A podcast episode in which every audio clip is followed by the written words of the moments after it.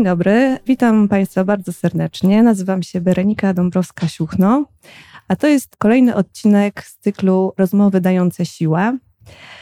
Dzisiejszy odcinek jest inspirowany dniem, który odbywa się 20 czerwca. Jest to Światowy Dzień Uchodźcy. Dzień ten został ustanowiony przez Zjednoczenie ONZ w 2000 roku dla upamiętnienia odwagi i siły uchodźców na całym świecie. My dzisiaj chcielibyśmy się skupić bardziej lokalnie na takiej perspektywie polskiej. Moimi i Państwa gośćmi są trzy wspaniałe osoby. Elsie Adajew. Dzień dobry. A także dwie moje gościnnie fundacyjne koleżanki. Magda Hojnor. Dzień dobry. I Agnieszka Kwaśniewska-Sadkowska. Dzień dobry. Może zacznę trochę od przedstawienia osób. Elsie przyjechał do Polski z Czeczenii no ponad dwie dekady temu jako dziecko, dziewięcioletni chłopiec. Tak.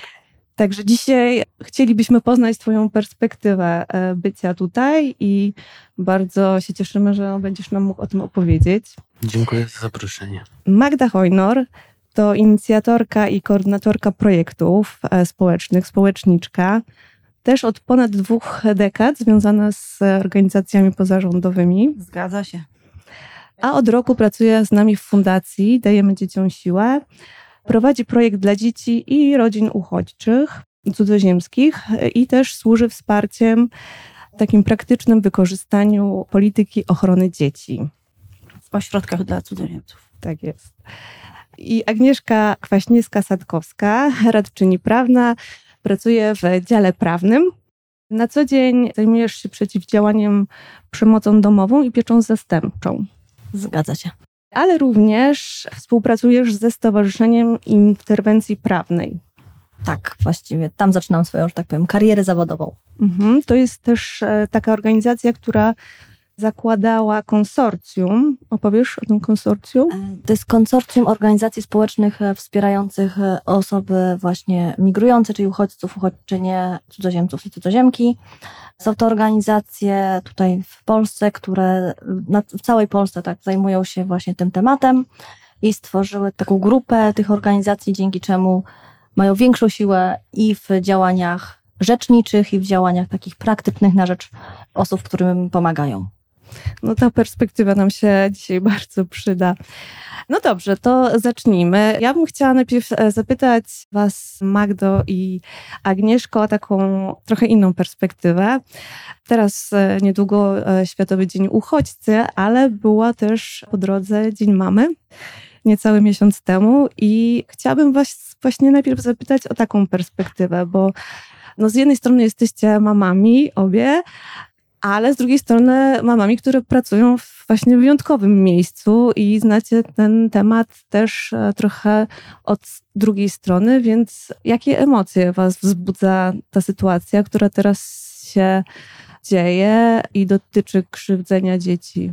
Ja jestem jeszcze świeżą mamą, więc y, mam taki etap e, początkowy i te wszystkie emocje są chyba jeszcze, jeszcze świeższe, tak? Więc y, dla mnie, która naście lat pracuje z tematem uchodźców i uchodźczeń i wydawało mi się, że już trochę mi ta skóra stwardniała, to się okazało, że jednak jest taki moment y, mięknięcia, mhm. kiedy ten mały człowiek się pojawia i sobie człowiek uświadamia, że też mógłby stanąć przed takim wyborem.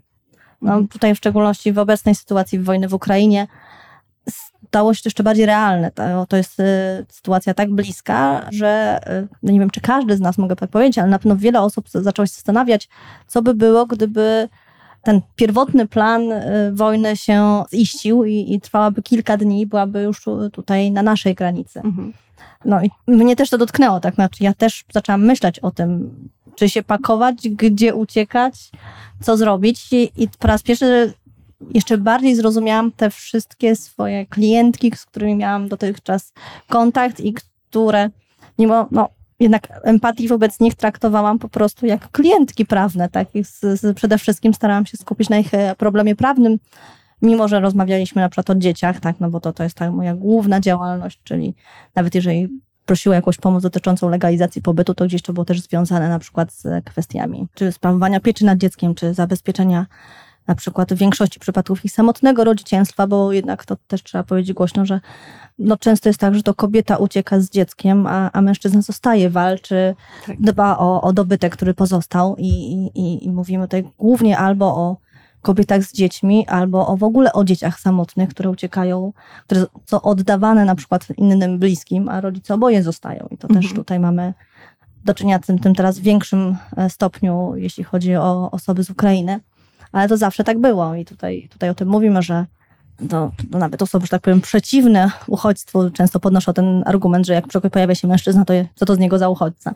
Mhm. Tak? A no, to tutaj oczywiście takie sytuacje się zdarzają i to też trzeba o tym mówić, że rodziny mogą uciekać wspólnie, ale ta, jest tak powiem, statystycznie większość to kobiety, więc tym bardziej w tym momencie takie poczucie jest, znaczy ja jako matka mam większe poczucie bliskości i zrozumienia z tymi kobietami. Z tej sytuacji i takiego poczucia, że ja też muszę pomyśleć, co bym w takiej sytuacji zrobiła. Mhm. No, w szczególności będąc no, tak blisko tego, co się dzieje obok nas. I no, ja jestem już lekko nieświeżą mamą w takim wypadku, bo mam 13-letnią córkę i 9-letnią córkę, więc troszkę już w tym macierzyństwie mm, zagościłam.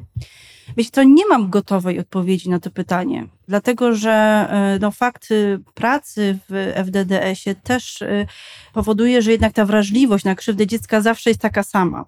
Ale faktycznie e, kwestia tego, że ta wojna jest tak blisko, myślę, że bardzo dużo zmienia.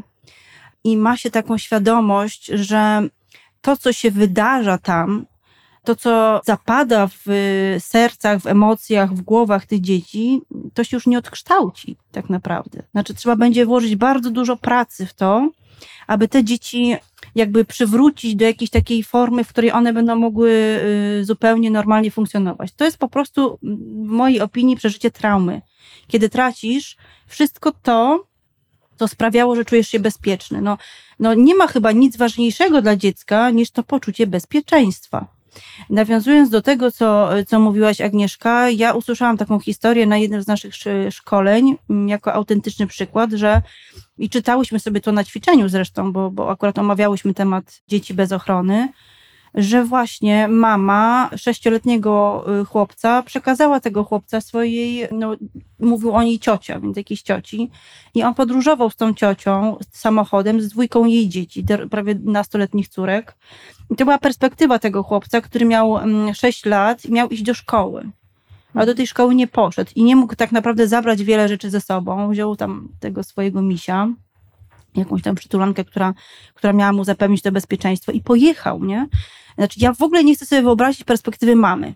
Ja sobie nie chcę w ogóle tego wyobrażać, co ona musiała czuć i e, no, no, no, do czego jest zdolna tak naprawdę kobieta czy osoba dorosła, która kocha dziecko i jakich musi dokonywać wyborów. To po pierwsze. Po drugie, no bardzo ciężko jest mi myśleć o tym dziecku, nie? E, no musisz zaufać komuś, kto po prostu zabiera twoje dziecko i jedzie i uwierzyć mu, że będzie się opiekował nim tak, jak swoim. Nie? To jest, y, jest takie mi się pojawiają emocje, takie mi się pojawiają uczucia. Powiem wam tylko, tak podzielę się bardzo mm, osobiście, że ja naprawdę, ja trzy dni płakałam, jak rozpoczęła się ta wojna i nie mogłam się uspokoić. I ja myślę, że płakałam właśnie z tego powodu, że jestem mamą. Że sobie zdałam sprawę z tego, jaki ogrom tego bólu tak naprawdę doświadcza tych ludzi. I że rzeczywiście, tak naprawdę, no, to moglibyśmy być my zostawiać swoje domy, mieszkania, wszystko to, co nam, e, nie wiem, przypomina, jest, nie wiem, jakimś wspomnieniem, jakąś historią, to wszystko musisz za sobą zostawić i w jednej chwili zdecydować, że ruszasz i ruszasz w nieznany, więc jaką musisz mieć determinację, żeby zostawić wszystko za sobą i iść w coś, czego tak naprawdę nie znasz i nie wiesz, co tam będzie. Iść ze swoim dzieckiem, samotnie często właśnie bez mężczyzny. No musisz mieć po prostu ogromną odwagę. Tak, Powiedziałaś, że twoja młodsza córka ma 9 lat, tak? No to dokładnie w tym wieku, w którym ty mm, opuszczałeś swój dom. Tak. To było jeszcze przed wybuchem wojny, czy po wybuchu zaraz? Zaraz po wybuchu, jak mhm. tylko zaczęła się wojna, to mając doświadczenie poprzedniej wojny, którą przeżyłem ja w 94, od razu, jak tylko się zaczęła wojna, rodzice tak zrobili, żebyśmy mogli jak najszybciej uciec spod tego bombardowania i wtedy właśnie cała nasza droga do Polski się rozpoczęła. próbuję sobie wyobrazić, jak wygląda ten moment decyzji, ile trwa to od samej decyzji do momentu, w którym się opuszcza dom. Pamiętasz? Kilka to... minut to było. Aha. Pamiętam, pamiętam wybuch, który widziałem przez okno. Mieliśmy być na takim moście z moją świętej pamięci babcią, tam taki bazar, takie coś jak hala mirowska, czy coś takiego, tylko na takim dużym moście, weekendowy bazar był. I ja z moją babcią od strony mamy, tak? I mieliśmy tam pojechać, ale a, babcia nie mogła znaleźć portfela. Przez pół godziny szukaliśmy tego portfela i gdy, gdy go znaleźliśmy, dowiedzieliśmy się, że ciocia moja, czyli siostra mojego świętej pamięci taty, nas odwiedziła i postanowiliśmy jeszcze pójść na sekundkę do naszego mieszkania, bo byłem u babci, nocowałem, pójść do naszego mieszkania i od, pogadać z ciocią i pójść wtedy na ten bazar. No i właśnie e, to rządzenie losu e, sprawiło, że nie byliśmy na tym moście, tylko pojechaliśmy na, na moment do naszego mieszkania i przez okno, jak usłyszałem taki, taki hurkot, taki potężny hałas. Ja myślałem, że ciężarówka, jakby, jakby oczami wyobraźni dzieciaka, myślałem, że jakaś ciężarówka przejeżdża obok naszego domu i wyglądam przez okno, nic nie ma, widzę helikopter lata, a leci prosto nad ten most i zrzucił bomby i, i to jest początek wojny. I wszystko w ciągu paru minut. Rodzice wiedzieli, co robić. Doświadczeni, tak jak już powiedziałem, ciocia z kuzynką musiały szybko jechać do swojej rodziny. Ustalili, że się tam i tam spotkają, to i to się zrobi. Wpadli do nas sąsiedzi i tam próbowali mnie na przykład i siostrę pocieszać. Siostra malutka i nie, nie za bardzo rozumiała, co się dzieje, ale była przerażona, płakała. Braciak tak samo. I e, pamiętam po prostu, że znajomi rodziny tam się rozmawiali ze mną, bawili się ze mną, uśmiechali się, wszystko było dobrze. Tata, mama krzątali się, szybko zbierali jakiekolwiek dokumenty świadczące o naszej mhm. tożsamości i od razu do innych sąsiadów, do bunkra, do piwnicy bunkra. Do tej piwnicy, w tej piwnicy już nie pamiętam ile byliśmy, bez wody, bez jedzenia. To dłuższy czas to był. Wtedy dalej do Inguszetii, sąsiedniego kraju. Stamtąd po też różnych przeżyciach i, i gdzie prawie zmarliśmy, bo gdy Rosjanie zaczęli tą wojnę, powiedzieli, utworzyli tak zwany czerwony korytarz, którym mogła się ludność cywilna mhm. ewakuować do sąsiednich państw. I gdy my i tysiące innych ludzi było na tej drodze do Inguszetii, to nadlecieli Rosjanie i zaczęli bombardować no drogę tak. i ostrzeliwać nas się chyba teraz też powtarza. No, nic się nie zmieniło. Ja ze znajomymi dyskutując, mówiłem jakby, gdy rozmawialiśmy o sytuacji właśnie w Ukrainie, pomagając tam, jeżdżąc, tłumacząc, podwożąc ludzi, no jakby mieliśmy czas, żeby jakby cały czas się nie, roz, nie rozpaść emocjonalnie, to sobie rozmawialiśmy z kolegami i koleżankami i opowiadałem im o tym, że nic, a nic się nie zmieniła mhm. rosyjska armia. Było tak jak było w 94, jak było w 99 w Czeczeni, jak było w Gruzji i, i później to, to samo z Krymem i dzisiaj. Jakby wszystko kropka w kropkę nicie, mentalność taka sama, po, pod pretekstem, że tam byli terroryści. Wśród tego konwoju ostrzelali nas wszystkich. Nam się ledwo udało uciec, bo kierowca, który nas wiózł mm, do Inguszetii, skręcił do lasu i helikopter, który za nami leciał i nas ostrzeliwał, jakby nie był w stanie nas strzelić. I tak mhm. dotarliśmy do Inguszetii. W Inguszetii, gdy przekraczaliśmy granicę, ja zostałem wyrwany z rąk mamy i, miałem być rozstrzelony, bo Rosjanie wprowadzili prawo, które mówi, że każdy chłopiec od 9 roku życia do 85 roku życia jest uważany za potencjalnego terrorystę i rozstrzeliwać na miejscu. I moja babcia wybłagała jakiegoś do dziś naprawdę pamiętam smród jakby wódki od tego, od tego żołnierza. Wybłagała mnie, dała jakieś złote pierścionki, kolczyki, już takie, takie biżuteria, która nie była po prostu biżuterią, tylko była w rodzinie od mm. pokoleń. żeby mnie wykupić i dotarliśmy do Inguszetii. W Inguszetii, będąc tuż przy granicy z Czeczenią, cały czas słysząc wybuchy, samoloty latające do Białorusi, do wujka z Białorusi, dzięki pomocy przyjaciół do Polski. Tak, taka ta podróż właśnie trwała dosyć długo. I, I w Polsce już będąc, skończyłem 20, kurczę, który to był luty? 20, który, albo 22, teraz nie pamiętam, wyleciała mi z głowy, ale 23, nie, 23 lutego 2000 dotarliśmy do Polski, mhm. a później w kwietniu skończyłem 10 lat. I tak, to dzieciństwo jakoś takie pełne emocji.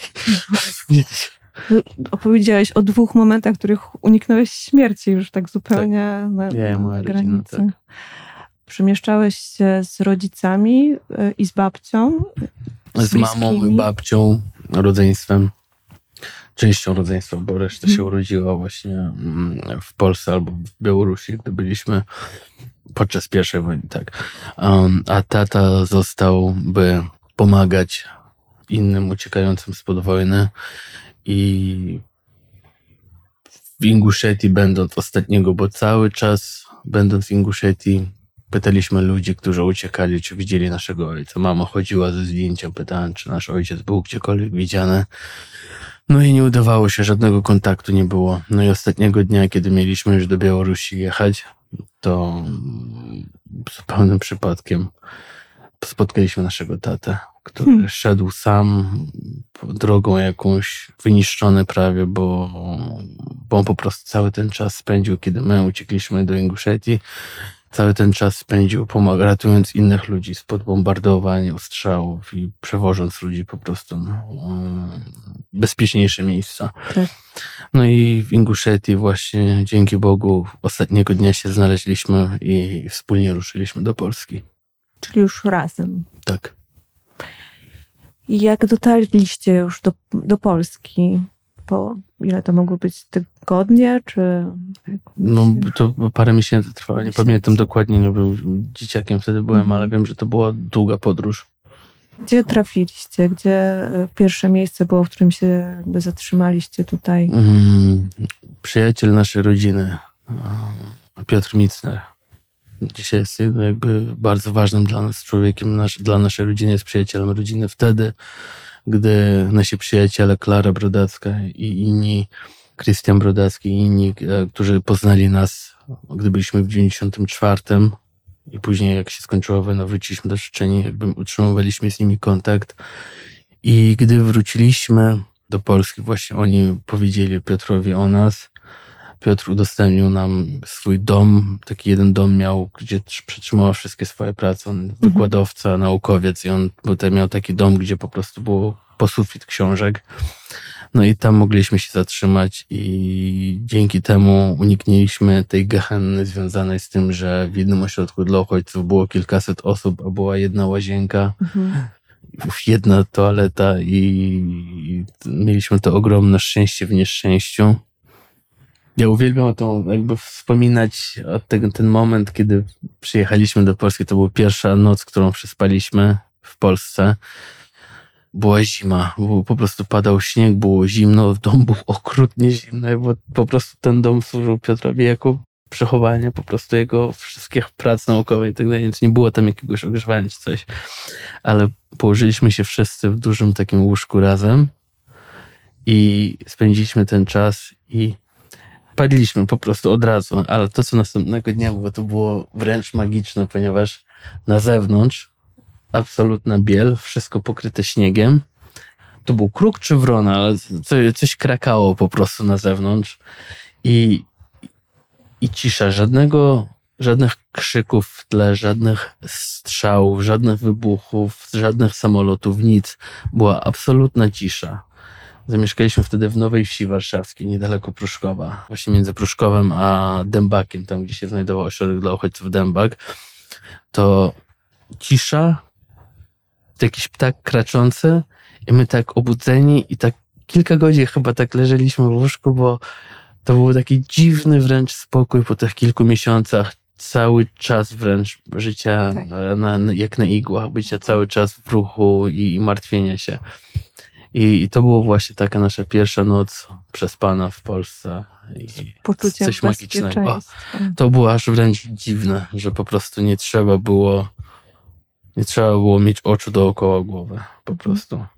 Bo już wtedy, wtedy już w tym momencie, jakby jak się zaczęła ta wojna, tego pierwszego dnia, te w ciągu pierwszych, pierwszych paru minut, nie do końca rozumiałem, co się dzieje, jakby, co się stało. Widziałem wybuch i byłem przestraszony, ale nie wiedziałem, co się dzieje. A właśnie w trakcie całej tej wycieczki to miałem taki szybki kurs dorastania. I, i ja patrząc wstecz na siebie, wiem, że bardzo się zmieniłem w trakcie tych kilku miesięcy. I wtedy już jakby rozumiałem, co się dzieje, jak już byliśmy w Polsce, czym, przed czym uciekaliśmy, co się stało. I to było takie dla mnie dziwne, wow, jest spokój, jest cisza i tak po prostu leżeliśmy. To był nasz pierwszy, pierwszy dzień w Polsce. Wyobrażam sobie, że musiało być tym dużo ulgi właśnie. Ho, ho. Tak, I ten czas, który właśnie potrzebowaliście, żeby tak e, do siebie dojść, odtajać, e, minął i w którymś momencie no, zaczęliście po prostu funkcjonować tutaj. Jak się czułeś właśnie jako dziewięcioletni chłopiec w nowym miejscu, w nowym Mm. kraju? Czułem się jako dzieciak zagubiony, bo z jednej strony spokój, cisza, brak wojny, brak potrzeby uciekania i, i takie możesz złapać oddech, ale z drugiej strony nikogo nie znam. Język polski brzmi świszcząco i, niezrozumiale. Pamiętam, że jedyne dwa słowa, które pamiętałem z poprzedniej, poprzedniego przyjazdu do Polski, to były lustro i rower. Nie wiem, czemu akurat te dwa słowa mi utkwiły w pamięci, ale to było to. No i a, pamiętam dwóch, dwa, dwoje dzieciaków z sąsiedztwa, które pierwszy poznałem. Sylwię oraz Emila.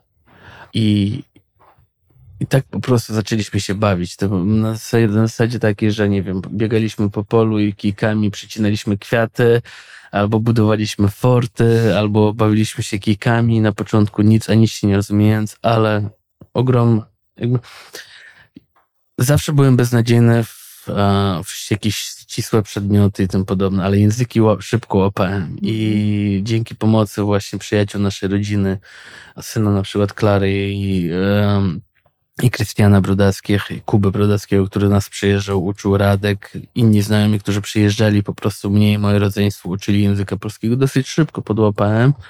No i się zaprzyjaźniłem właśnie z moimi tymi sąsiadami, rówieśnikami.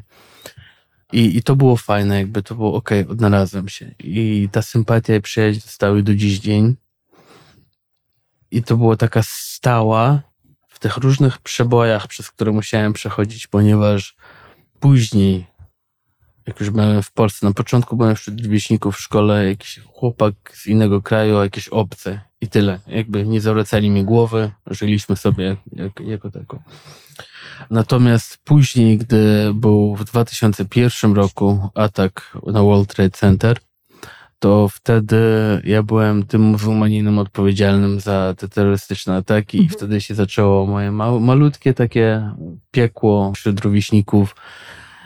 Czyli byłeś Który- wtedy jeszcze w dalszym ciągu chłopakiem małym, nie? Tak, 10 lat miałem i i 11 i później 12 i tak jakoś to trwało. Szkołę trzeba było parę razy zmieniać, bo rówieśnicy nie dawali mi spokoju za każdym razem, jak się dowiadywali, że jestem uchodźcą. To było, naprawdę to był, żeby nie użyć złego słowa, beznadziejny okres, tak. I, i, i to bardzo mi się dało we znaki. To był taki moment kryzysu dla mnie, że nienawidzę Polski, nienawidzę Polaków, nie chcę tu być, czemu ja zawiniłem, ja sam uciekłem spod wojny. To, to no, tak jako dzieciak miałem miliony tych myśli, aż trafiłem w cudowne miejsce na Raszyńską, gdzie profesor Krystyna Starczewska i wielu innych nauczycieli, którzy tam byli, mnie i wielu innych e, uczniów z różnych krajów, nie tylko Czeczenii, ale z Tybetu, z różnych państw Afryki. Dużo było tych dzieciaków. Nie do końca, nawet do dziś nie wiem, kto, które do końca skąd pochodzi, pochodziło, ale dali nam schronienie, dach nad głową i miejsce, gdzie zaczęliśmy się odnajdywać.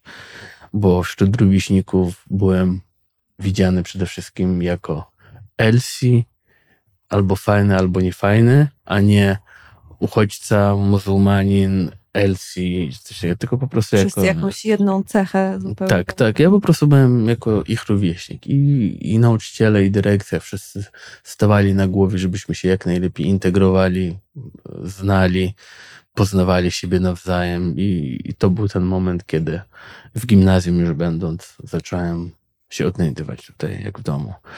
A w podstawówki to tak sobie. Chociaż muszę tutaj dać sprawiedliwość kilku moich rówieśników z różnych tych podstawówek naprawdę dali mi przyjaźń i koleżeństwo i mieli ogromny wpływ też na to, że przetrwałem te e, trudne czasy. I, I do dziś dzień z nimi się przyjaźnię i bardzo sobie ich cenię i lajkujemy swoje memy na Facebookach i, i, i, tak, i, i ten kontakt taki jest po prostu, taki zwyczajny. Mówisz o dyskryminacji, której doświadczałeś od rówieśników, a w szkole nauczyciele doświadczałeś tej dyskryminacji również z ich strony? Bo ze strony nauczycieli nie. Czasami to była taka ignoracja ze strony niektórych nauczycieli, ze mhm. strony innych nauczycieli, którzy się starali, ale nic nie mogli zmienić, bo to jednak te dzieciaki te swoje zachowania, teksty, podejście, wszystko wynosili z domu. Tak? I mhm, nieważne, co próbowali nauczyciele niektórzy zrobić, to nic nie pomagało. No, a też były takie momenty, kiedy moi rówieśnicy bardzo mnie gnębili, a kiedy ja się stawiłem, to później ja miałem problem, bo wszyscy mówili, że to ja ich zaatakowałem. Tak mhm. jak zawsze w tych takich filmach bywa amerykańskich, gdzie jest jeden chłopak, który jest cały czas gnębiony, albo dziewczyna i w którymś momencie oddadzą, to wszyscy nauczyciele biegną na pomoc tym gnębicielom. Więc um, Parę razy takie sytuacje były, ale z ręką na sercu mogę powiedzieć, że większość starań nauczycieli, mm, nawet w tych, jakby, tych szkołach podstawowych, tak, to oni się starali coś, coś tam zaradzić, no ale nie mogą ingerować do prywatnych domów i rodzin uczniów, więc. Tak, no teraz jesteśmy w takiej samej sytuacji. Też dzieci przychodzą do szkół i nauczyciele mogą być szkoleni, mogą być wrażliwi, ale jeżeli z domu dzieci mm, właśnie wynoszą brak akceptacji, no to, mhm. to trudno temu zaradzić. Prawie ćwierć wieku jesteś tutaj. Jak teraz się czujesz? Teraz się czuję częścią tego państwa, częścią tego narodu. Ja się czuję Polakiem i Czeczenem. Mm.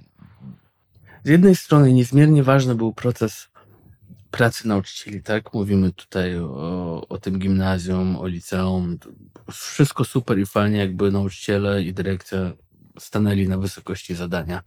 Ale największy wpływ na to, że czułem się dobrze w Polsce i zaczynałem rozumieć mm, te wszystkie meandry kultury i języka i humoru i nie wiem, z czym co się je, jak się w Polsce żyje, to zawdzięczam moim rówieśnikom z gimnazjum, czy z liceum, czy ze studiów, którzy pokazywali mi normalne życie poprzez pokazywanie mi, nie wiem, polskich komiksów, filmów, seriali, muzyki, książek, nie wiem, Wiedźmina czytając Torgala, czytając Kaczora Donalda, nie, słuchając paktofoniki, nie wiem, oglądając trzynasty posterunek, czy Świat według kiepskich.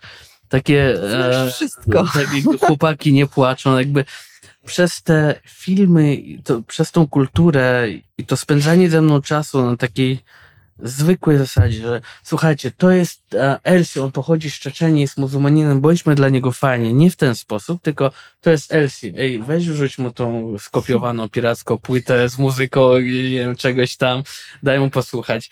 I ze względów prawnych to tylko przykład. Nic nie mówię. Ja tylko jakby artystyczny przekaz robię, tak, tak to nazwijmy. I to jakby ta praca tych, to zachowanie tych moich rówieśników sprawiło, że to, to było dla mnie najważniejsze dorastając, że moi rówieśnicy traktowali mnie jak człowieka po prostu, a nie ten, ten, ten, który pochodzi stamtąd i tak dalej. No więc dzisiaj, dzisiaj czuję się tutaj dobrze, czuję się częścią tego społeczeństwa i jestem u siebie. Super. Hmm. Chciałam Cię jeszcze zapytać e, o to, jak to doświadczenie wojenne, trudne doświadczenie, wykorzystałeś albo nie. W jaki sposób jakoś przekułeś się na swój sukces? Co Ci to mhm. dało? Moje doświadczenie wojenne, doświadczenie uchodźcze, doświadczenie dorastania w Polsce w trudnych warunkach wśród rówieśników, którzy byli okrutni, ale też wśród rówieśników, którzy byli w porządku, pozwoliło mi, dało mi pewien zestaw narzędzi i zaszczepiło mnie na różne no, sytuacje i pozwoliło mi się lepiej orientować w tym, co przechodzili rówieśnicy. Gdy na przykład, albo dzieciaki, gdy na przykład w naszej fundacji Sintar, tak, gdzie mieliśmy ogrom zajęć dla dzieciaków po szkole, pomagaliśmy im w szkole z pracami domowymi, z nauką, czy też zrobiliśmy dla nich multum różnych zajęć i wydarzeń, takich, gdzie mogli się z różnymi rówieśnikami, w sensie z rówieśnikami z różnych krajów spotykać i poznawać. Widzieliśmy, ja i inni, jakby z czym muszą się mierzyć te dzieciaki, tak? Z Czeczeni przykładowo. I proces był ten sam, tak? I przyjaciele, i, i, nie, i nieprzyjaciele. I takie sytuacje z nauczycielami nieprzyjemne i, i przyjemne, i miłe. I takie sytuacje budujące i takie sprawiające, że załamujesz się i zastanawiasz się, czy w ogóle wszystko, cokolwiek ma sens. Mm, to swoje, swoje jakoś przeżycie ja i moja rodzina i inni Czeczeni, którzy raz z Polakami jakby prowadziliśmy tę naszą fundację, potrafiliśmy wykorzystać, żeby pomóc tym, którzy są nowi w tej sytuacji. Na przykład mogłem powiedzieć, rozmawiając z jakimiś dzieciakami, że słuchaj, takich nieprzyjemnych sytuacji będziesz miał, ale skup się na przykład na tym, co jest dobre. Porozmawiaj, nie wiem, z, nie wiem, spędzaj czas ze swoimi kolegami, koleżankami, a nie wiem, przeczytaj tą książkę, nie wiem, przejdź się tam, posłuchaj tego, albo po prostu wysłuchać, co mają do powiedzenia. I dla tych dzieciaków świadomość tego, że jest ktoś starszy, który już tą drogę przeszedł i z którym można pogadać i się wyżalić, i ktoś, kto nie będzie oceniał, czy nie wiem, rugał, w jakikolwiek sposób krytykował, to było bardzo potrzebne i przynosiło dobre, pozytywne skutki. To było wtedy. Później, no, Nastąpiła dobra zmiana. Fundacje potraciły pieniądze, wiele różnych fundacji miało problemy finansowe i tak dalej. W tym niestety też nas dotknęło to. I bardzo musieliśmy ograniczyć, mieliśmy ogromne szczęście i zaszczyt współpracować z Fundacją Dajemy Dzieciom Siłę, między innymi przy różnych projektach, ośrodkach dla uchodźców. I to też było super i chociaż trochę mogliśmy pomóc, chociaż trochę dać tym dzieciakom przestrzeń do wypowiedzenia się, do otwarcia się i w ogóle. Później już mu przeskakujemy kilka lat, tak, teraz zaczęła się wojna w Ukrainie i znowu te rodziny, które uciekają, ja, moi znajomi robiliśmy tak tłumaczenia. Na telefonach siedzieliśmy tłumaczyliśmy na bieżąco, co kto ma, jakie problemy. Pomagaliśmy znaleźć mieszkania, jakieś ubrania, leki. Zawoziliśmy, moi przyjaciele zawozili po nocach kilkanaście godzin dziennie na, na tych dworcach różnych siedząc, autobusowych, pociągowych, wszędzie rozwoziliśmy ludzi i cały czas to moje doświadczenie trochę pomagało mi zrozumieć. Niektórzy ludzie byli wkurzeni, tak jakby frustrowani, zdenerwowani całą tą sytuacją. I no, na przykład jeden kolega taki, ale czemu on się denerwuje? Przecież on dopiero co przyjechał i tak dalej. Mówię, stary, jakby jak nie, nie przeżyłeś czegoś, co oni teraz przeżyli, czyli musieli zostawić wszystko, wszystkie swoje plany, wszystko, być może krewne zostawili tam i tak dalej. I to jest bardzo specyficzny rodzaj wkurzenia się po prostu na życie, na sytuację, na los. Na, to jest wkurzenie wynikające z bezsilności, bezradności, niewiedzy, bo nie wiesz, co się dzieje z krewnymi, nie masz kontaktu, nie możesz mieć kontaktu, bo nie daj Boże, to wyjawi pozycję gdzieś. Najróżniejsze te sytuacje. I ja po prostu wtedy tłumaczyłem moim polskim rówieśnikom, starszym, młodszym, którzy pomagali tam, słuchaj, musisz mieć cierpliwość, musisz mieć wyrozumiałość, tu pomóż z tym, tutaj bądź bardzo delikatny, tu nie poruszaj tego tematu, tu nie rób tego, tutaj bądź bardzo ostrożny, żadnych nagłych ruchów z Ukraińcami, e, którzy przyjeżdżali, rozmawiali. Niektórzy byli przerażeni tym, że jestem Czeczenem, bo im się wydawało, że wszyscy Czeczeni wspierają e, Putina i są za tą wojną i tak dalej. Ja im musiałem tłumaczyć, ja przed tymi samymi ludźmi, ja uciekałem to nie jest wszystko takie czarno-białe. Niektórzy ludzie byli przerażeni, a niektórzy rozumieli. Nie chcę wchodzić w więcej szczegółów, ponieważ mam krewnych w Czeczeniu, więc nie chcę im żadnych kłopotów sprawić, ale podsumowując to moje to, to doświadczenie, które miałem, po prostu wiem, że to brzmi dziwnie, tak, ale to moje doświadczenie bardzo pomogło w pomaganiu tym, którzy dokładnie to samo przeżywają i uciekają. Ale to doszło do takiego stopnia, że zacząłem mieć koszmary i powracały mi wspomnienia z wojny, więc w którymś momencie musiałem trochę przestopować, bo przez tydzień leżałem i nie mogłem się podnieść tylko, tylko leżałem, nic, nic nie byłem w stanie robić. I wtedy właśnie pomagało to, że właśnie przyjaciele i koledzy i koleżanki, ludzie, których nawet nie znam, wolontariusze, to polscy, tak? Oni mieli trochę więcej tej wytrwałości, bo jakby nie mieli tych wspomnień co ja, tak? I trzeba było korzystać każdy atut, nawet beznadziejnej sytuacji, żeby móc jakoś to wykorzystać ku temu, żeby pomagać. Mówisz o tej e, wspólnocie doświadczeń, o tym, że ona pomaga pomagać, a z drugiej strony jest e, właśnie taka obciążająca, bo też otwierają ci się twoje własne rany stare. Mhm. I to bardzo. No tak, no ale takie jest życie. No. Gdy mam takie myśli, że cokolwiek, co się robi, jest bez sensu, bo zaraz znowu się może zacząć wojna. Mm. Kiedyś prezydent Dudajew, nasz pierwszy demokratyczny wybrany prezydent, mówił, że wojna będzie w Czeczeniu, będzie w Gruzji, będzie w Ukrainie i nie wiadomo, co będzie dalej. Później prezydent Lech Kaczyński mówił, wojna była w Czeczeniu, będzie w Gruzji, będzie w, w Kry, z Krymem związana, będzie w Ukrainie, co dalej nie wiadomo.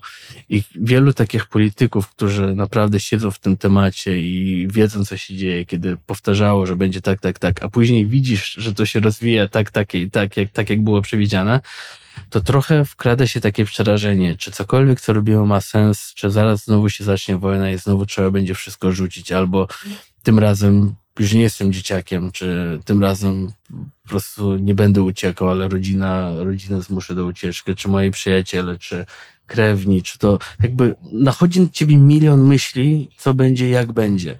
I wtedy po prostu to, co daje, pomimo, że otwierają się te rany, tak, to pomaga w tym sytuacja taka, że okej, okay, jak ja na przykład teraz nie dawałem rady i wysiadłem, po prostu mi wszystko siadło, moje zdrowie moje siadło, psychika siadła, przez tydzień byłem w ogóle wrakiem człowieka, ale w, wtedy okej, okay, całe szczęście, jeszcze jest multum ludzi na dworcu tu, tam jeżdżą, tu pieniądze wysyłają, tu zawożą.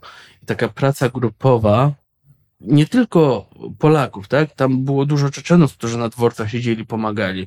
Hindusi, nie wiem, bo Gruzini, Ukraińcy, Białorusini, Rosjanie i wszyscy, jeszcze multi, Wietnamczycy też, którzy, i Koreańczycy, i Japończycy, których znam też. Wszyscy chodzili, jeździli, pomagali, informowali, przekazywali, tłumaczyli, jedzenie gotowali, zawozili.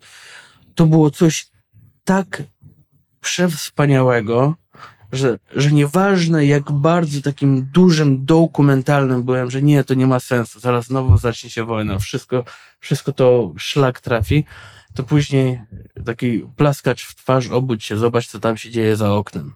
To dawało taką siłę i to daje nadal siłę. I za każdym razem jak mam i mi się to powtarza i cały czas to, co mi siedzi w głowie i w duszy, to jeszcze z tego nie wypleniłem i nie wiem, czy do końca życia to będzie dalej we mnie siedzieć. Jeszcze muszę dużo nad tym pracować. A za każdym razem, jak takie myśli mnie nachodzą, to właśnie, właśnie myślę wtedy o tym, tyle ludzi pomagało, tyle ludzi robiło, tyle ludzi robi. I, i jeszcze sobie cały czas przypominam, ok, tutaj przy tej granicy pomagamy, ale trochę dalej są ludzie, którzy umierają tak. w lesie, a pomimo wszystko ludzie ryzykując własną pracę, zdrowie i tak dalej, jeżdżą pomagać i są za to później obciążeni jakimiś oskarżeniami i tak dalej, a pomimo wszystko działają i pomagają uchodźcom, bo uchodźca to uchodźca. Człowiek, który ucieka przed prześladowaniem, przed wojną, przed kryzysem, to jest, powinien być traktowany tak samo. I przy tej mniej rozmawianej granicy i tej, przy tej granicy, o której wszyscy mówią, jak widzisz się tych ludzi, którzy są tak odważni, to możesz sobie pomyśleć, ok, mogę na chwilę usiąść, odsapnąć. Całe szczęście tam są ludzie, którzy cały czas coś robią, zaraz odzyskam siły i będę dalej robił. No, To Mam nadzieję, że naprawdę pytanie. robi wrażenie. Myślę sobie, że ten Światowy Dzień Uchodźcy dla upamiętnienia odwagi i siły to chyba właśnie jest o tym, o czym mówisz. Ale też wspomniałeś o osobach, które pomagają też e, na granicy białoruskiej. Przechodząc w tym momencie do perspektywy osób, które tutaj mieszkają, mieszkańców e, Polski, Magdo, ciebie chciałam zapytać o taką perspektywę właśnie osób po tej stronie drutu kolczastego czy muru, po tej naszej, gdzie perspektywa osób, które nie mają tego właśnie, tej wspólnoty doświadczeń, a jednak nie odmawiają pomocy, jest zupełnie inna. Jest i wiecie co, ja właśnie na potrzeby tego podcastu mam taką historię bardzo osobistą i to historię w ogóle o um, dwójce moich dzieci, która mnie czegoś nauczyła. Ona wcale nie jest przyjemna dla mnie jako mamy, no bo ja jestem społecznicą, nasz dom jest bardzo otwarty, my naprawdę dużo rozmawiamy o, o dzieciach, o wolności, o wolności słowa, wolności poglądów i w ogóle o, tak, o generalnie dobrze pojmowanej wolności, czyli że, że człowiek jest wolny, jesteśmy kosmopolitami w ogóle, czyli jakby w ogóle nie zwracamy uwagi na granice, uważam, że Ziemia jest jedna i należy się nią dzielić. I słuchajcie, mam dwie córki, żeby żadnej nie stygmatyzować, to nie powiem, która jest jaka, ale jedna jest właśnie bardzo zaangażowana i taka mocno rozumiejąca, y, mocno współczująca. Natomiast miałam taką rozmowę z drugą córką, y, która powiedziała mi, że Ukraina jest sama sobie winna. I mnie to absolutnie zatrzymało. No po prostu opadła mi szczęka. I pytam się dlaczego tak uważasz? No bo sama mi mówiła, że Ukraina kiedyś należała do Rosji. Ja mówię, no, no kiedyś należała do Rosji. No właśnie, to jak się jest raz w klubie, to nie wolno z niego wychodzić go po prostu zostawiać. Ja mówię, no ale wiesz, no ten klub nie był taki fajny, poza tym ona wcale do tego klubu nie chciała należeć. No tak, ale słuchaj, ty nic nie rozumiesz. Ja mówię, no ale wiesz, że jakiś był wielki głód na Ukrainie, tam się działy straszne rzeczy i Ukraina wcale nie chciała należeć do klubu rosyjskiego. Nie, mamo, ty nic nie rozumiesz, Rosja się już zmieniła. Ja mówię, Rosja się już zmieniła? Tak, tam jest tylko Putin zły. I dalsza ta moja, ja po prostu miałam silną potrzebę pogłębienia tego, no bo naprawdę byłam tym zaskoczona. Przez chwilę myślałam, że może mm, gdzieś coś usłyszała. To jest, yy, moja córka ma przyjaciółkę Ukrainkę, z którą chodzi do klasy, bardzo się w ogóle lubią, nasze rodziny również. To jest pierwsza rzecz. A druga część rozmowy polegała na tym, że ona stwierdziła, że ona jest już tym zmęczona. Mhm. Że ona jest zmęczona tym, że ona nie rozumie dzieci, które są w szkole i mówią po ukraińsku. Ona jest zmęczona, bo jak jedziemy gdzieś tam czy tu, to, to są ukraińskie y, osoby y, pracują i nie rozumieją tego, co my chcemy kupić. Potrzebują więcej czasu, żeby nas zrozumieć, żeby nam coś podać. I ciągle jakby wy- wybrzmiewało z niej to zmęczenie. No oczywiście ta rozmowa się przykuła w jakiś tam, mam nadzieję, sukces. Ja jakby uznałam jej zdanie i próbowałam ją zrozumieć i właściwie zobaczyłam to w szerszej perspektywie, że zarówno uchodźcy, zobaczcie, Elzi, no jakby opadła mi też szczęka, jeżeli chodzi o opowieść Elziego. W zasadzie Elzi mógłby zrobić cały y, podcast tutaj o tym uchodźstwie i więcej nic nie trzeba byłoby mówić, ale jedni sobie są w stanie wyobrazić drogę uchodźcy, są w stanie empatycznie wejść w tą sytuację, inni nie, nie oszukujmy się, tak po prostu jest. Tak jak mamy, jeżeli chodzi o reagowanie na przemoc wobec dzieci. Jedni wejdą empatycznie w niektóre sytuacje, a inni z kolei je zlekceważą i nie mają potrzeby reagowania. My sobie jesteśmy w stanie wyobrazić tę drogę uchodźcy, możemy sobie wyobrazić, z jakimi emocjami te osoby przekraczają naszą granicę, ale po drugiej stronie jest też człowiek z emocjami. I rzeczywiście w przypadku kryzysu humanitarnego, ty pięknie powiedziałaś o tej pomocy, o tym, że jest taki pospolity ruch, tak, że tyle ludzi się wzięło, to jest, to jest strasznie wzruszające, to też jest bardzo pokrzepiające, że w ludziach się budzi e, taka natura, ale z drugiej strony to zawsze jest tak, że obie strony muszą zrezygnować z tego komfortu. Wiecie, że zawsze trafimy na te emocje po drugiej stronie, bo y, muszę się z tym kimś podzielić kawałkiem w cudzysłowie swojej ziemi, e, swojego mieszkania, swojej pracy, mm, swojego jedzenia i tak, swojej szkoły i tak dalej, i tak dalej. I to jest ogromna praca dla tych dwóch stron, żeby coś z tego dobrego wyszło, nie? Mhm. I tak sobie, mm, no właśnie słuchając tej mojej córki, pomyślałam, że no, no tak, no, no masz prawo do tego, żeby też się czuć tym zmęczonym. Zobaczcie, to jest proste porównanie. Nawet gdybyśmy byli najbardziej gościnnymi ludźmi na świecie, no taki gość, który do nas przyjeżdża, który korzysta ze wszystkiego, co mu możemy zaoferować, on jest fajny przez tydzień, nie?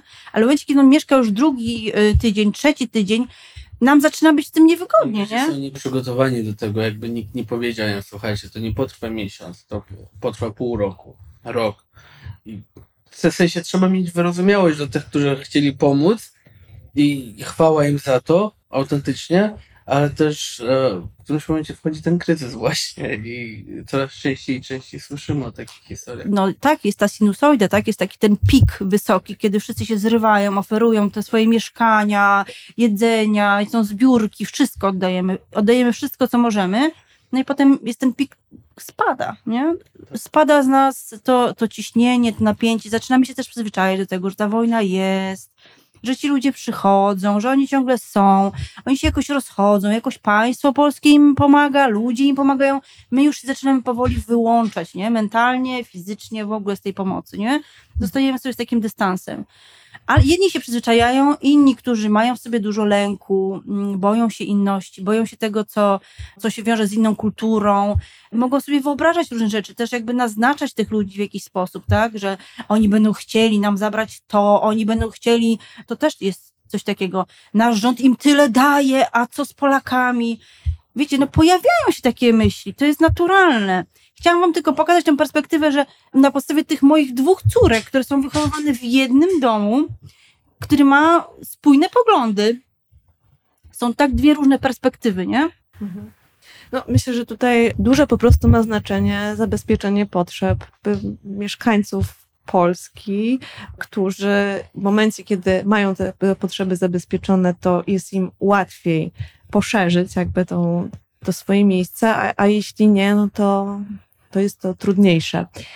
Ja bym chciała jeszcze, Agnieszko, teraz do ciebie się zwrócić z pytaniem. Elsie opowiedział historię swojej ucieczki z bliskimi.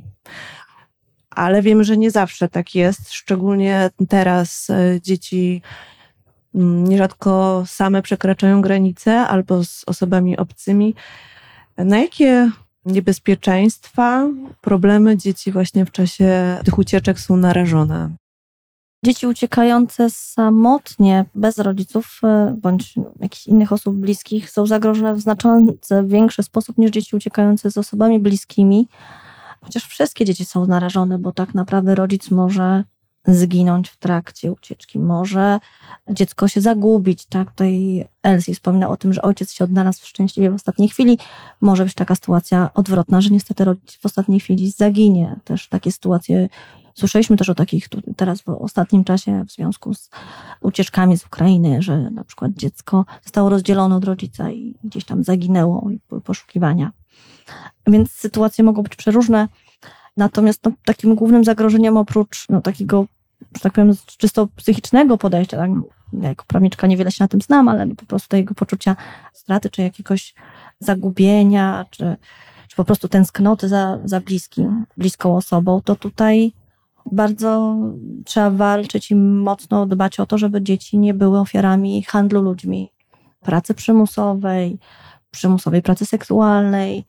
No ponieważ też mówimy o dzieciach, no ale wyobrażam sobie właśnie dziecko tak średnio w wieku pewnie właśnie 10, 9, 10 lat, ale musimy też mówić i o noworodkach, i małych dzieciach, ale też o nastolatkach, którzy też są dziećmi. Tutaj to, że ktoś ma 16-17 lat i czuje się już prawie dorosły, to jednak wciąż no, to jest taki okres buntu, jeszcze trochę jest jeszcze taki okres wielu emocji, uczuć związanych z, z też z tym rozwojem hormonalnym, mhm. które się też dodatkowo budzi w tym momencie, tak? I, i, I, te emocje są różne, a też y, takie nastoletnie na przykład dziewczęta są dużo bardziej zagrożone na przykład y, porwaniem w celu handlu ludźmi związanym z wykorzystaniem seksualnym niż małe dzieci.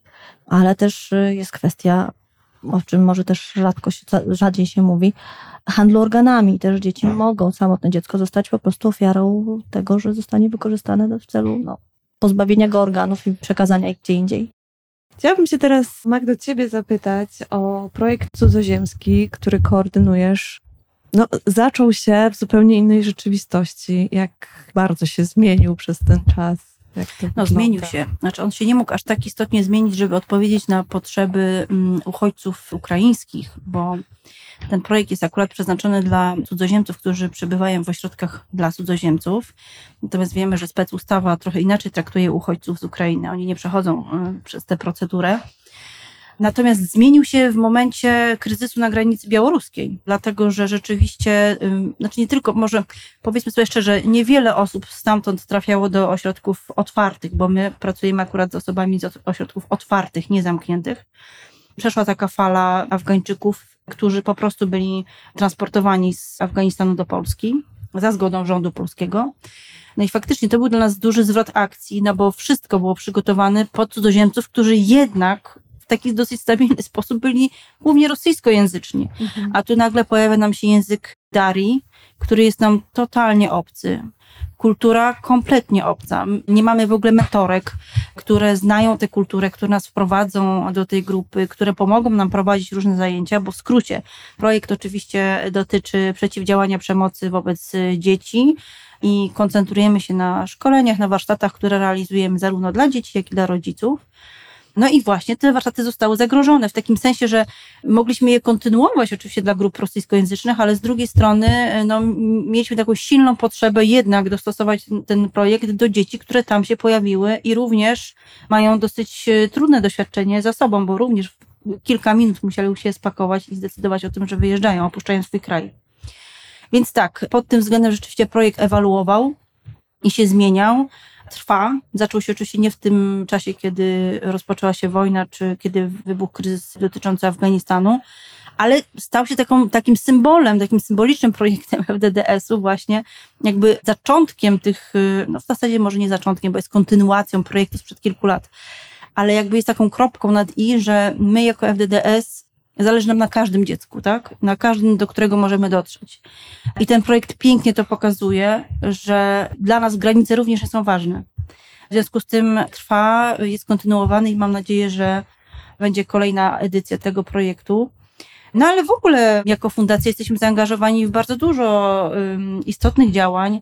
Zmieniliśmy i to była ogromna praca, zmieniliśmy i wyposażyliśmy naszą infolinię w osoby ukraińskojęzyczne infolinia, która pierwotnie, znaczy nie pierwotnie, no w ogóle jest dedykowana mm, osobom dorosłym, zyskała psychologów, którzy mówią po rosyjsku, nawet ściągę po, po rosyjsku i ukraińsku.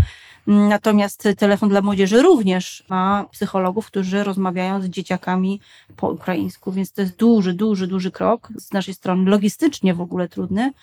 No ale tak w ogóle to pracujemy z UNICEF-em, wspieramy ich przy tworzeniu punktów Blue Dots, czyli takich miejsc, w których uchodźca może się zatrzymać i uzyskać e, pomoc.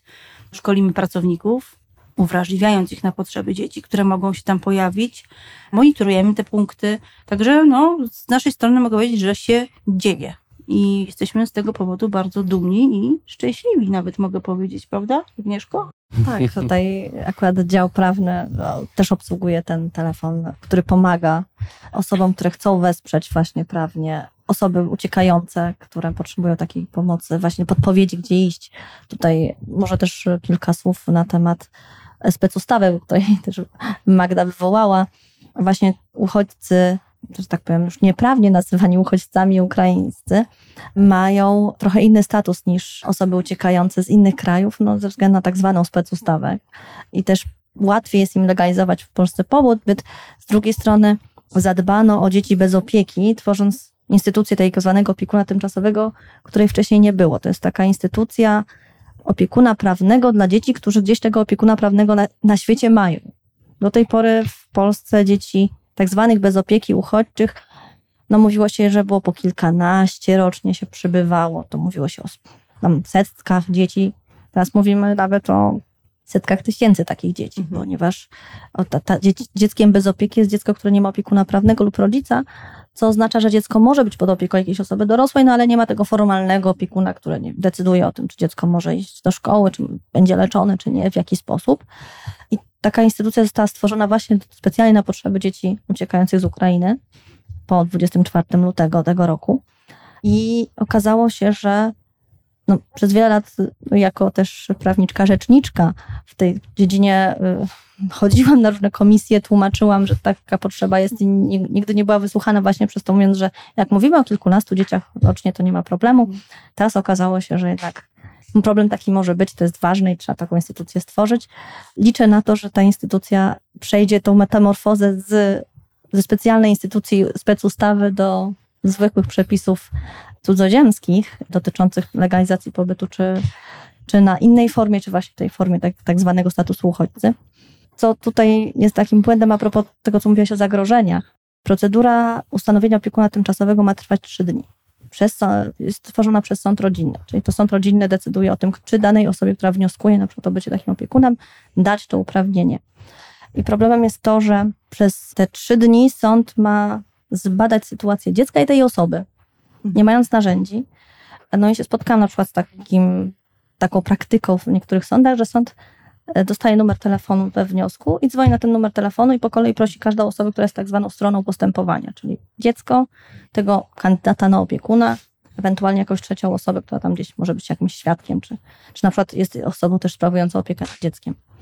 No i tak jak już mówiłam na przykład o tym handlu ludźmi, mam takie pytanie, czy sędzia ma pewność, jak rozmawia z taką osobą, czy to po pierwsze jest osoba, która mhm. podpisała wniosek. Czy dziecko, które się wypowiada w taki sposób, nie wiem, nie ma przy no, głowie karabinu, nie wiem, noża przy szyi, a w ogóle czy jest tym dzieckiem, o którym w ogóle rozmawiamy. Bo nawet jeżeli ma dziecięcy głos, to nie znaczy, że musi być akurat tym konkretnym dzieckiem, o którym sąd rozważa.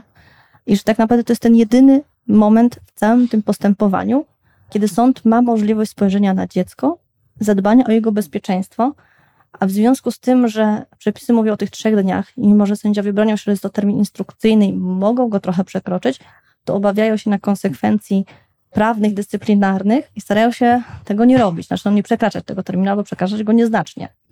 W związku z powyższym właśnie wykonują takie działania, które powodują, że no, wykonują wszystko zgodnie z prawem i zgodnie z procedurą sądową, jednak znowu zapominamy o, o dziecku. Mówimy tutaj o dziecku, właśnie tym najbardziej zagrożonym, które nie jest zaopiekowane przez rodzica, które nie jest w tych bezpiecznych ramionach mamy czy taty. Ono jest osobą, która twierdzi, że jest na przykład wujkiem albo ciocią. Twierdzi, ponieważ nie mamy na to żadnego dokumentu, nie mamy na to y, żadnego potwierdzenia, a musimy jakoś y, zdecydować. Ja oczywiście wiem, że może nawet 99% tych dzieci jest zaopiekowanych przez dobre osoby, nawet jeżeli to nie jest ciocia. Tak, ale my, zresztą cała fundacja opiera się na tym, że my pomagamy temu jedynemu procentowi dzieci krzywdzonych. Gdyby nie było dzieci krzywdzonych, nie byłoby fundacji, dajemy dzieciom siłę. A ten 1% dzieci jest tak samo ważny, a czasami nawet ważniejszy niż te dzieci, które mają mamę, tatę, choćby jedno z rodziców. No bo wiemy, że takie dziecko, jeżeli ten rodzic, czy matka, czy ojciec funkcjonują właściwie, to jest bezpieczne. I to jest taki moment, kiedy właśnie to, że mamy takie działania dla osób, które, które chcą pomagać, czy nasz telefon właśnie 800 100 100 dla osób dorosłych, czy ten bezpośredni numer dla dzieci 116 111, który daje możliwość właśnie skontaktowania się z takiemu dziecku, które obawia się o swoje funkcjonowanie, bo wie, że dziecko nie jest pod opieką osoby, która jest dla niego bezpieczna czy dobra, może się też do nas zgłosić. My też mamy wewnętrzne procedury interwencyjne.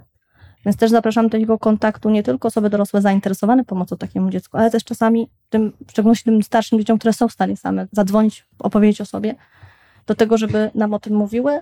Na pewno będziemy się starać im pomagać. Tak, no to jest bardzo ważne, ale też właśnie powiedziałaś o tej skali. Sytuacje, które w, przy kilkunastu osobach da się jakoś rozwiązać przy tak dużej liczbie e, dzieci uciekających w kryzysie humanitarnym, no po prostu przestaje to funkcjonować. Też myślę sobie o tym, że no, wojna w Ukrainie trwa, ale mm, kryzysów humanitarnych innych też jest e, dużo. Za moment będą też kryzysy żywnościowe związane z, z brakiem dostaw z Ukrainy. Więc myślę sobie o tym, jak to będzie się rozwijać i jak ważne jest, żebyśmy się przygotowywali do, do tego, że to będzie trwało. I myślę sobie że też o tym, że taką właśnie pozytywną jednak stroną tej sytuacji jest to, że my się po prostu bardzo szybko uczymy teraz. Uczymy się w nowej sytuacji, tworzymy standardy, tworzymy procedury, standardy ochrony dzieci właśnie. Dokładnie to jest to, co zaczyna funkcjonować, co my na bieżąco też ewaluujemy i modyfikujemy, prawda? Staramy się to jak, jak najlepiej dostosować do potrzeb dzieci i do tego, żeby to po prostu było efektywne w swojej istocie. Bardzo Wam dziękuję za dzisiejsze spotkanie. Myślę sobie, że To jest tak ważny dzień i myślę też o tym, że każdy ma jakąś swoją historię, która mimo, że jest wspólnotą doświadczeń, to jednak jest za każdym razem czymś zupełnie innym dla osoby. Mam nadzieję, że, że my jako fundacja zmieniamy te doświadczenia też na lepsze. Dziękuję Państwu i dziękuję moim gościom. Dziękujemy serdecznie.